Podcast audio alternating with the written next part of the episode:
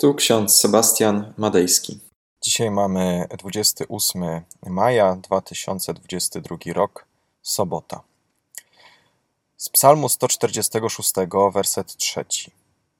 Nie pokładajcie ufności w książętach, ani w człowieku, który nie może pomóc. Oraz objawienie świętego Jana, pierwszy rozdział, piąty werset. Jezus Chrystus jest świadkiem wiernym, pierworodnym z umarłych i władcą nad królami ziemskimi. Drodzy, przypomnijmy sobie teksty z ostatniego święta, w niebo wstąpienia pańskiego.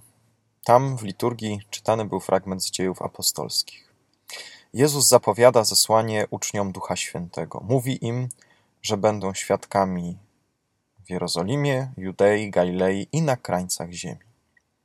Tak jak kamień wpadający w wodę robi kręgi, tak ta Ewangelia wpada w ten świat i zmienia go, rozprzestrzeniając się niejako w sposób kołowy. Jezus to wszystko tłumaczy. Jednak widzi, że uczniowie nie za bardzo go słuchają, bo nagle któryś z nich brutalnie przerywa i pyta Jezusa: Kiedy ustanowisz królestwo Izraela? Jezus ponownie cierpliwie im uświadamia, jakie jest ich zadanie, na czym polega głoszenie Ewangelii, ale oni nadal szukają swoich, swoich sposobów, nadal oczekują, że Jezus w sposób polityczny zapanuje nad Izraelem, obejmie władzę, rozgromi wrogów. Jednym słowem, zemści się na tych, którzy go poniżali, a oni, uczniowie, będą mogli z nim panować. Czyli nadal w sposób ludzki rozumują, no ale Pan Jezus właśnie takich wybrał, niekoniecznie mądrych, wiecznie uczących się i niepojmujących, że Królestwo Boże jest w sercu człowieka, a nie na zewnątrz. Kiedy Kościół stał się e, instytucją siły, kiedy cesarz rzymski najpierw przyjął wiarę chrześcijańską jako, jako tolerowaną religię, a następnie jako panującą, Kościół połasił się na władzę. Znowu, następcy apostołów popełnili błąd. Zamiast ewangelizować, zamiast zwiastować Ewangelię i czynić miłosierdzie, dobrali się do władzy i stali się książętami kościelnymi. Na szczęście reformacja zlikwidowała wiele wynaturzeń, przywrócono na nowo porządek kościelny i ustanowiono porządek świecki. Reformatorzy nazywali te dwa porządki nauką o dwóch regimentach. Władza świecka, władza ustanowiona przez Boga, czuwa nad przestrzeganiem prawa, opiekuje się obywatelami, obywatelkami, zapewnia bezpieczeństwo, zapewnia pokój, polityczny ład. Dopóki nie zakazuje głoszenia Ewangelii i udzielania sakramentów, taka władza powinna być przez chrześcijan tolerowana i wspierana. Władza duchowa natomiast polega na głoszeniu Ewangelii. Ewangelia zewnętrznie zmienia człowieka. Kształtuje go na wzór Chrystusa w sposób wewnętrzny. W ten sposób my, chrześcijanie, właśnie wewnętrznie nawracamy się każdego dnia i w naszych sercach kiełkują małe sadzonki Królestwa Bożego. U jednych jest więcej tej wiary, u innych mniej.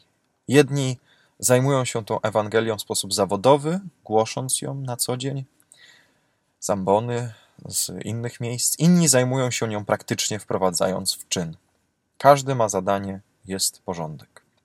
Problem w protestantyzmie pojawił się na początku XX wieku, kiedy niejaki pan z wąsem doszedł do władzy e, w Niemczech, a jego polityczni sprzymierzeńcy w krajach demokratycznych również objęli autorytatywne rządy. Faszyści, naziści wspierali niekiedy kościoły. Współpracowały z nimi do czasu, aż były im one posłuszne. Zaledwie garstka teologów ewangelickich na czele z Karolem Bartem Dietrichem Bonhoefferem, dostrzegła, że władza świecka w ten sposób zagraża Ewangelii, zagraża jej fundamentowi. Mimo, że oficjalnie wspiera kościoły, a wręcz z nimi współpracuje, to jednak jest do szpiku zepsuta. Byli takimi wilkami w owczych skórach. Po czym Bonhoeffer poznał, że władza hitlerowska jest zdeprawowana. Jak zrozumiał, że Kościół ewangelicki czy katolicki ówczesnych Niemiec współpracuje z władzą diabelską, demoniczną. Po prostej rzeczy. W momencie, kiedy faszyści, naziści zaczęli podkreślać niemiecką dumę. Również i my mamy dzisiaj do czynienia z dumą. Pycha rodzi pychę. Kiedy jakaś mała grupa jest prześladowana, ucieka, ukrywa się i znosi prześladowania. Lecz kiedy dostaje nagle szansę, wychodzi z podziemia i mści się na tych, którzy ich wcześniej prześladowali. Naziści w Niemczech zaczęli prześladować wszelkie mniejszości, które ich wcześniej ignorowały lub znieważały, wszelkie grupy, które wcześniej nimi pogardzały. I pycha zgubiła demokratów Republiki Weimarskiej. Niedocenienie przeciwnika, który ostatecznie wygrał wybory i doszedł do władzy. Pycha poprzedza upadek. Dlaczego Chrystus zapanuje ostatecznie nad tym światem? Dlaczego On jest prawdziwym królem? Dlaczego On jest tym władcą prawdziwym, z prawdziwego zdarzenia? Bo jest pokorny, cichy, jest łagodnego serca. Nie mści się na tych, którzy go poniżali. Nie wywyższa się, lecz przyjął postać sługi. Dlatego każda władza dufna i pewna swojej wygranej przegra i zostanie poniżona przez własną pychę. Amen. Pomódlmy się. Drogi nasz Panie i Boże, nie pozwól, abyśmy ulegli dumie. Nie pozwól, aby w naszym życiu pojawił się grzech pychy. Zawsze i na każdym miejscu przypominaj nam, że Ty panujesz w naszych sercach i zmieniasz nas wewnętrznie, abyśmy zewnętrznie okazywali miłość bratnią, głosili Twoją wierność, Twoją miłość i nadzieję, jaką nam dajesz na co dzień. Ty, Panie Jezu, jesteś naszym królem, władcą, naszym świadkiem wiernym, pierworodnym z umarłych. Amen. A pokój Boży, który przewyższa wszelki rozum, niechaj strzeże serc naszych i myśli naszych. Panu naszym Jezusie Chrystusie, ku żywotowi wiecznemu.